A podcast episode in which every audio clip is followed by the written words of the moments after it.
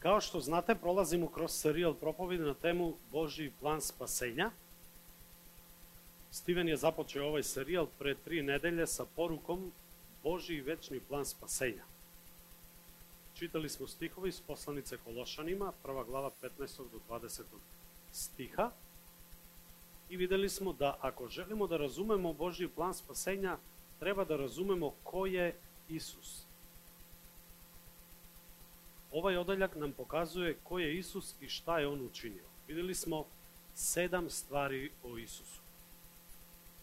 Prvo, on je slika nevidljivoga Boga. Drugo, on je prvorođeni nad svim stvorenjem. Treće, on je stvoritelj, on je glava crkvi, on je početak prvorođeni iz mrtvih, on je punina Boga. On je sve izmirio sa Bogom. I kroz celo sveto pismo vidimo da je Bog od samog početka imao plan da spasi čovečanstvo kroz Isusa Hrista. Od postanka do otkrivenja Bog nam otkriva veliku sliku o njegovom planu spasenja. Dobra vest nije samo u Novom Zavetu, kao što mnogi ljudi možda i misle, ali mi znamo da se Isus ne nalazi samo u drugoj polovini Biblije, cela Biblija govori o Isusu.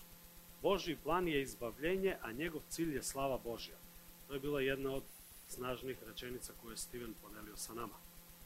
I jedna od glavnih tačaka ili glavna tačka njegove poruke je bila Hrist je ultimate Božiji plan. To bi na srpskom bilo konačni ili krajnji cilj ili definitivni. Mi možda i nemamo pravu reč na srpskom koja može da objasni ovu reč ultimate. Hrist je konačni krajnji cilj definitivni plan Boži plan spasenja ljudskog roda. To je bila prva poruka. Druga poruka, preprošle nedelje, koju je Steven podelio sa nama, imala je naslov Prvo obećanje evanđelja. Govori o tome šta znači radosna vest i o tome zašto je ljudima potrebno spasenje, gde je nastao problem i koje je rešenje. Čitali smo odeljak iz postajanja, treća glava od 1. do 24. stiha i videli smo kako se desio pad. Kada je zmija prevarila Evu i Adama i kako je došlo do odvajanja čoveka od Boga. Čitali smo o posledicama greha, o tom odvojenju čoveka od Boga. Videli smo kako je započeo konflikt između čoveka i Boga, ali takođe smo pročitali obećanje koje je Bog dao ljudskom rodu obećanje o izbavljenju od greha. Iako se na samom početku u ovom odeljku ne spominje ime Isus, mi danas znamo da se prvo obećanje o izbavljenju i konačnoj pobedi koje je Bog dao odnosilo na Isusa Hrista.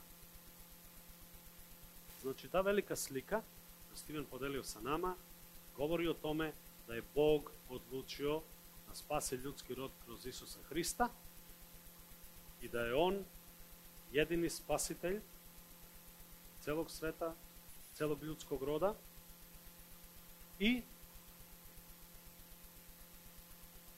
да е кроз негову жртву, кроз негов долазак на земји, Бог измирио людски род со собом.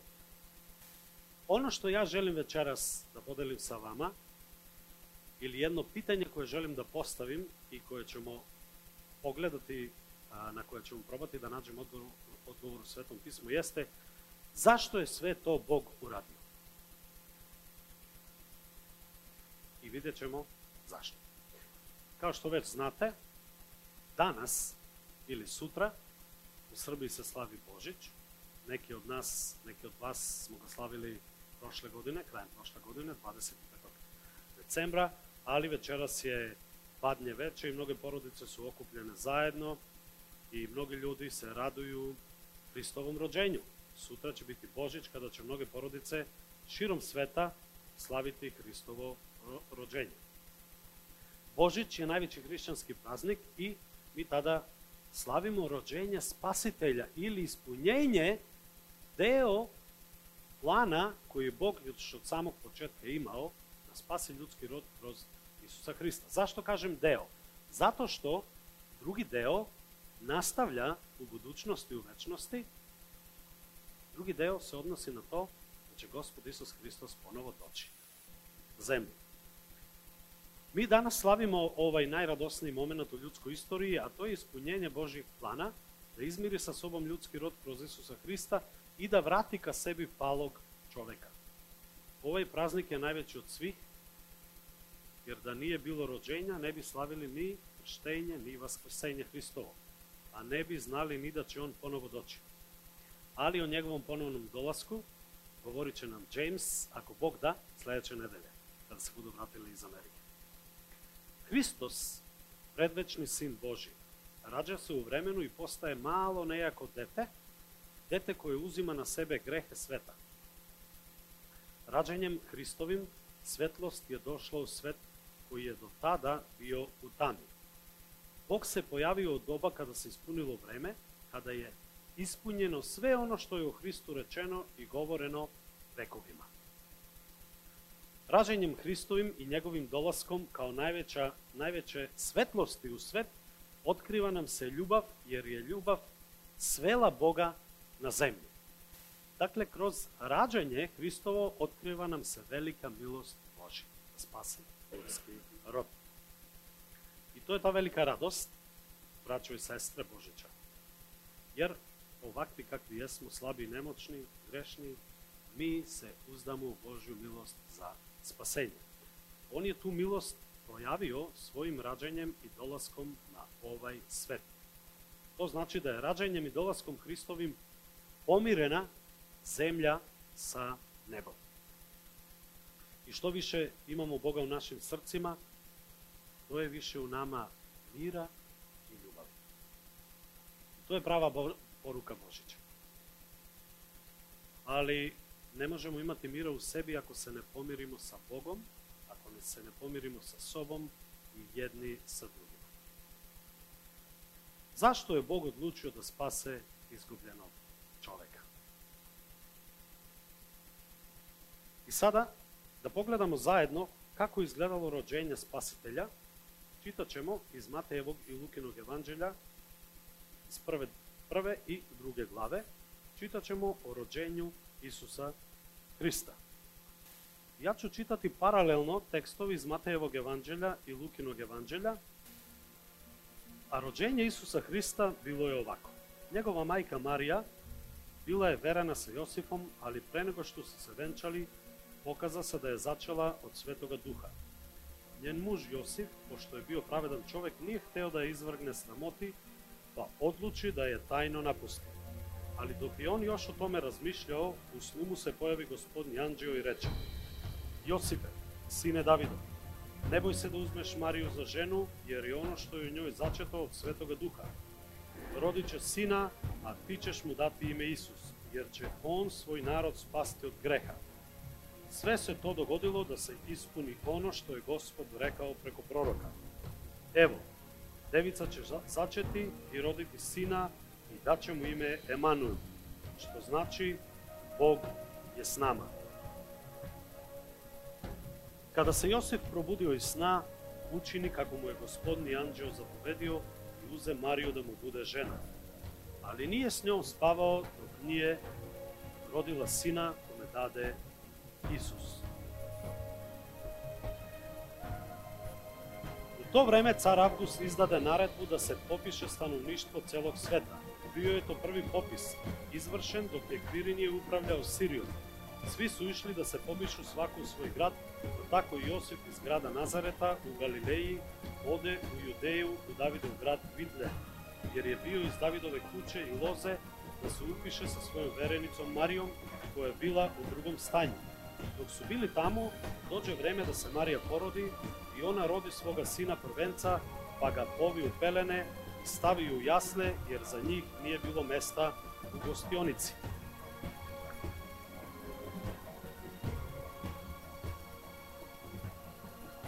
A u tom kraju su boravili pastiri i noću pod vedrim nebom čuvali stražu kod svojih stada. Njima se pojavi gospodni anđeo i obasja i gospodnja slava се веома уплашише. Не бојте се, рече Иманджио, јер вам доносим радосну вест, која ќе веома обрадовати сав народ. Данас вам се удавај да вам граду родио Спасител, Христос Господ. А ово ќе вам бити знак. Начичете дете повиено у пелене како лежи у јасла. Одједном се анджелу придружи мноштво небеске војске, хвалечи Бога и говоречи: Слава Богу на висини, а на земји мир луѓима кои су по неговој волја. Када су анџели отишли од нив и вратили се на небо, пастири рекоше еден друго: «Хајде му увитлеем да видимо то, од чему нас е Господ обавести». Онда брзо одоше и најдоше Марију и Јосифа и дете како лежи у јасла. А када су то видели, испричаше шта им е речено о том детето. Сви кои су то чули, задивише се ономе што су им пастири испричали. А Марија Je sve to upamtila i stalno o tome razmišljala. Pastiri se vratiše kući, slaveći i hvaleći Boga, jer je ono što su čuli i videli bilo baš onako kako im je rečeno. Ovo je bio odeljak iz Lukinog evanđelja i vratit ćemo se nazad sada da nastavimo u Matejevom evanđelju. Čitat ćemo o poklonjenju mudraca. Kada se Isus rodio u Vitlejemu, u Judeji, za vreme vladavine cara Iroda, dođoše neki mudraci sa istoka u Jerusalim i upitaše Gde je novorođeni car Judeja? Videli smo njegovu zvezdu kako izlazi, pa smo došli da mu se poklonimo. Kada je car Irod to čuo, veoma se uznemiri, a s njim i sav Jerusalim.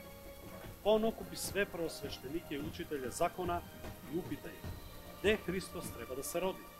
U Bitlejemu u Judeji, rekoše mu oni, jer je prorok ovako napisao. A ti Vitlejeme, u zemlji Judinoj, ni pošto nisi najmanji među judejskim kneževinama, jer će iz tebe izaći vladar koji će biti pastir moga naroda Izraela. Tada Irod tajno pozva sebi one mudraci i od njih sazna tačno vreme kada se zvezda pojavila. Onda ih posla u Vitlejem, rekavši, idite i pomno se raspitajte o detetu, a kada ga nađete, javite mi да и ја одем да му се поклонам.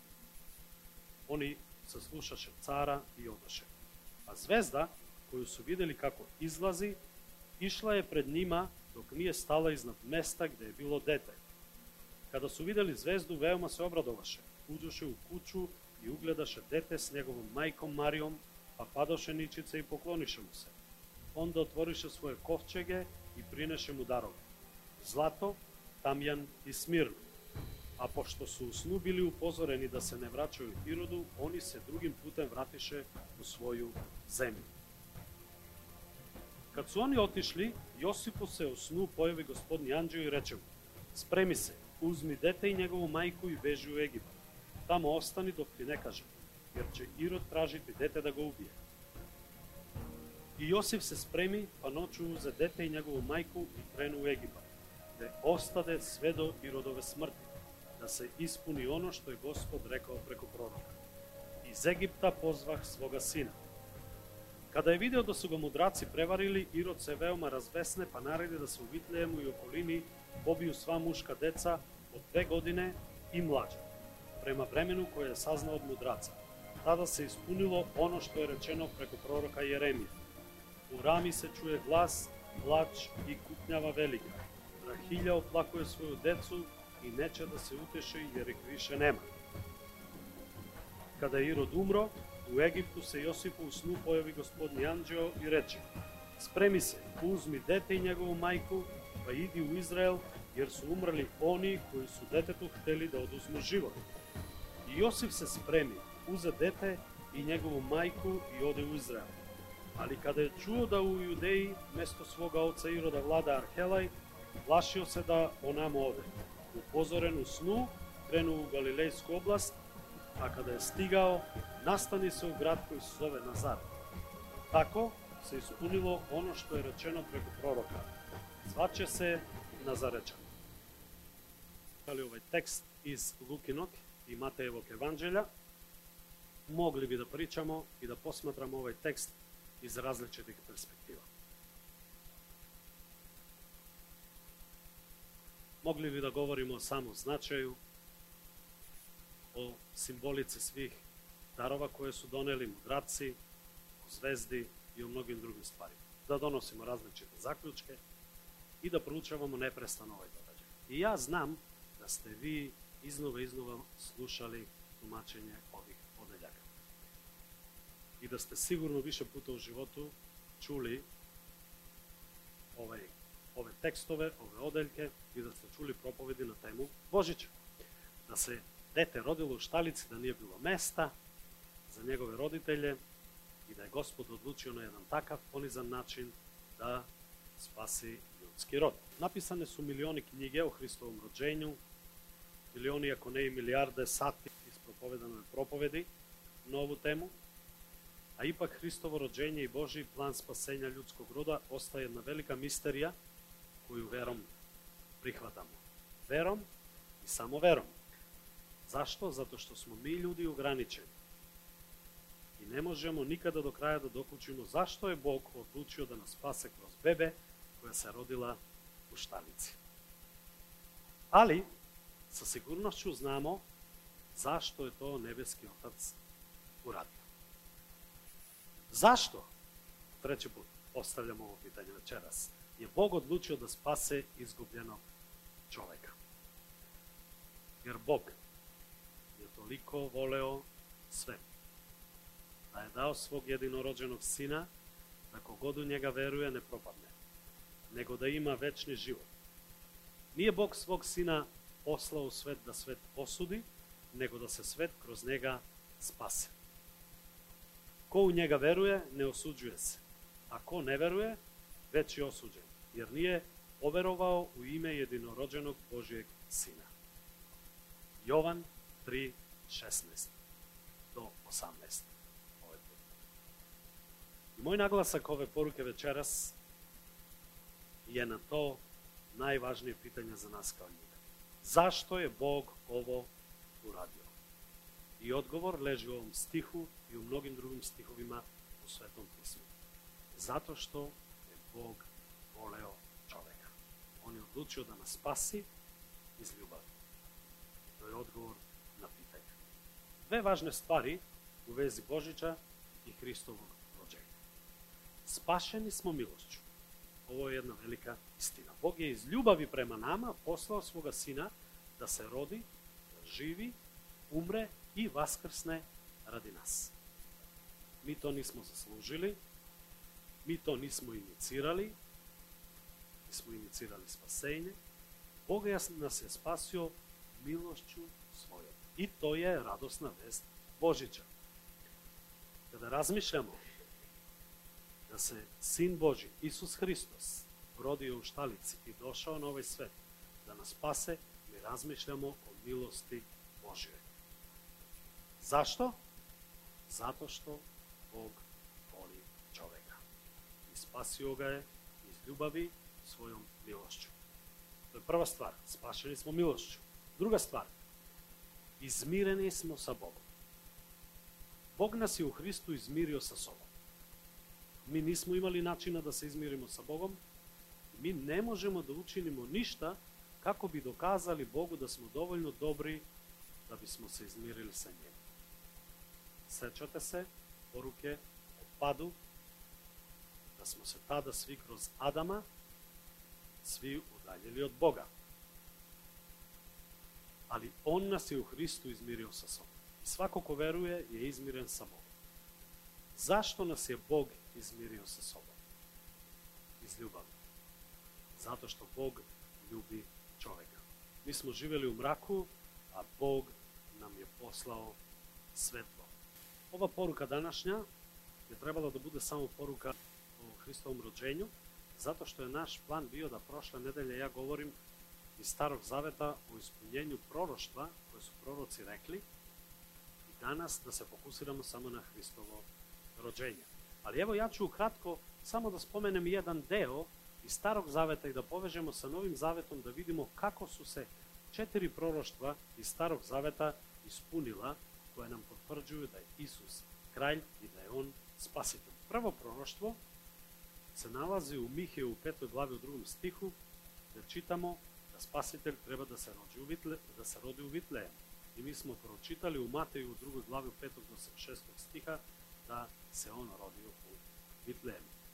Друго пророштво кој се налази у Оси, 11 глава првом стиху, говори да ќе они побечу у Египет.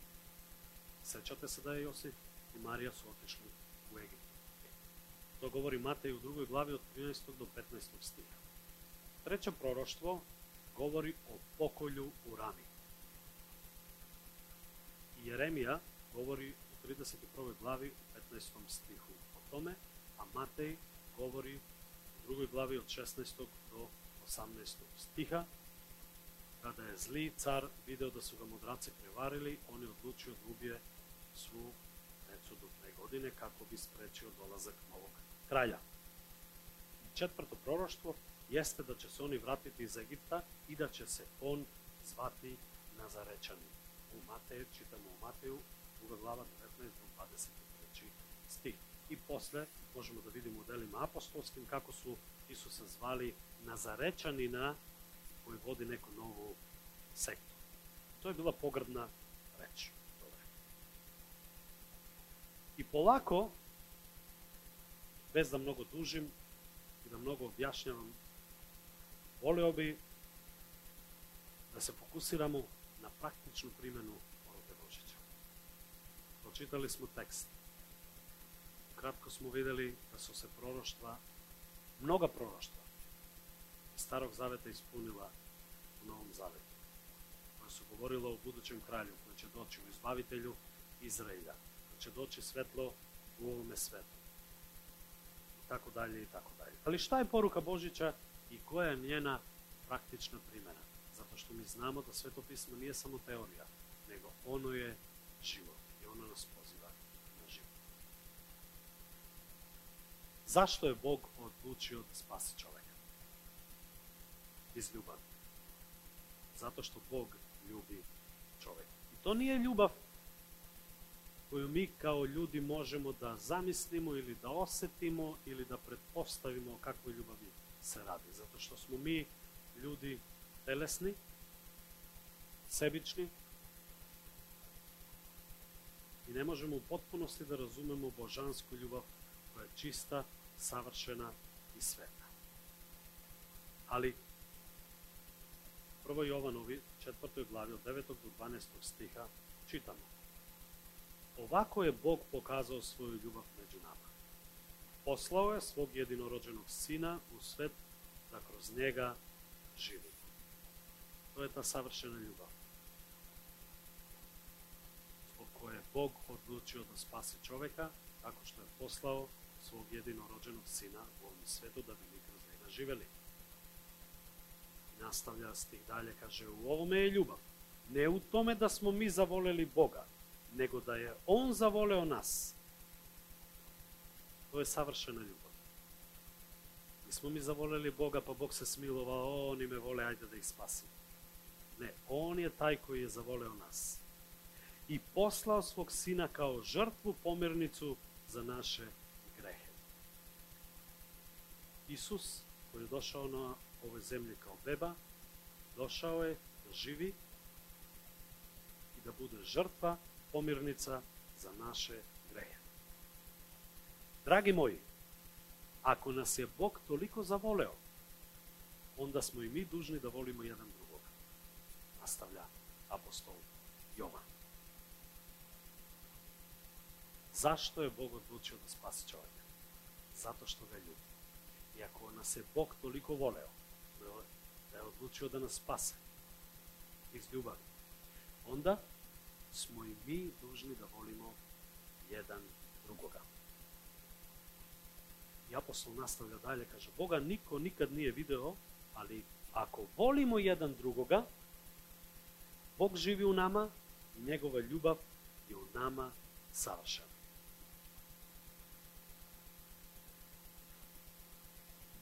Божич нам говори и он нас подсеча да е Бог заволео човека и одлучува да го спаси кроз свог единородено сина.